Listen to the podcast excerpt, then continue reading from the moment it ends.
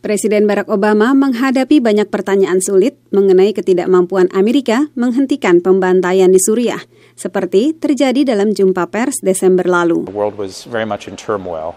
And he took a situation where we were embroiled in Iraq. Selama bertahun-tahun kita berusaha menghentikan perang saudara di Suriah dan meringankan penderitaan manusia. Itu salah satu isu paling sulit yang saya hadapi sebagai presiden.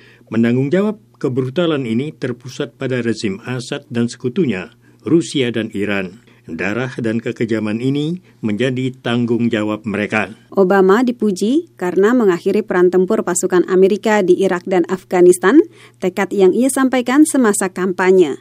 Brian Katulis, analis pada Center for American Progress, memuji Obama karena mengatasi situasi mengerikan yang ia warisi dari pemerintahan Bush. I think there's no question that there is concern about Dunia sangat kacau dan ia mengatasi situasi di mana kita terlibat di Irak dan Afghanistan tanpa akhir yang jelas. Ia mengakhiri keterlibatan militer Amerika dalam kedua perang dan menarik sejumlah besar tentara Amerika dari sana. Analis-analis lain tidak setuju. Mereka berpendapat Obama membuat dunia menjadi lebih tidak aman dibandingkan ketika ia mulai menjabat. James Caravano pada The Heritage Foundation mengatakan, I think there's no question that there is concern about Menurut saya, jelas ada kekhawatiran tentang penarikan mundur tentara Amerika dari dunia.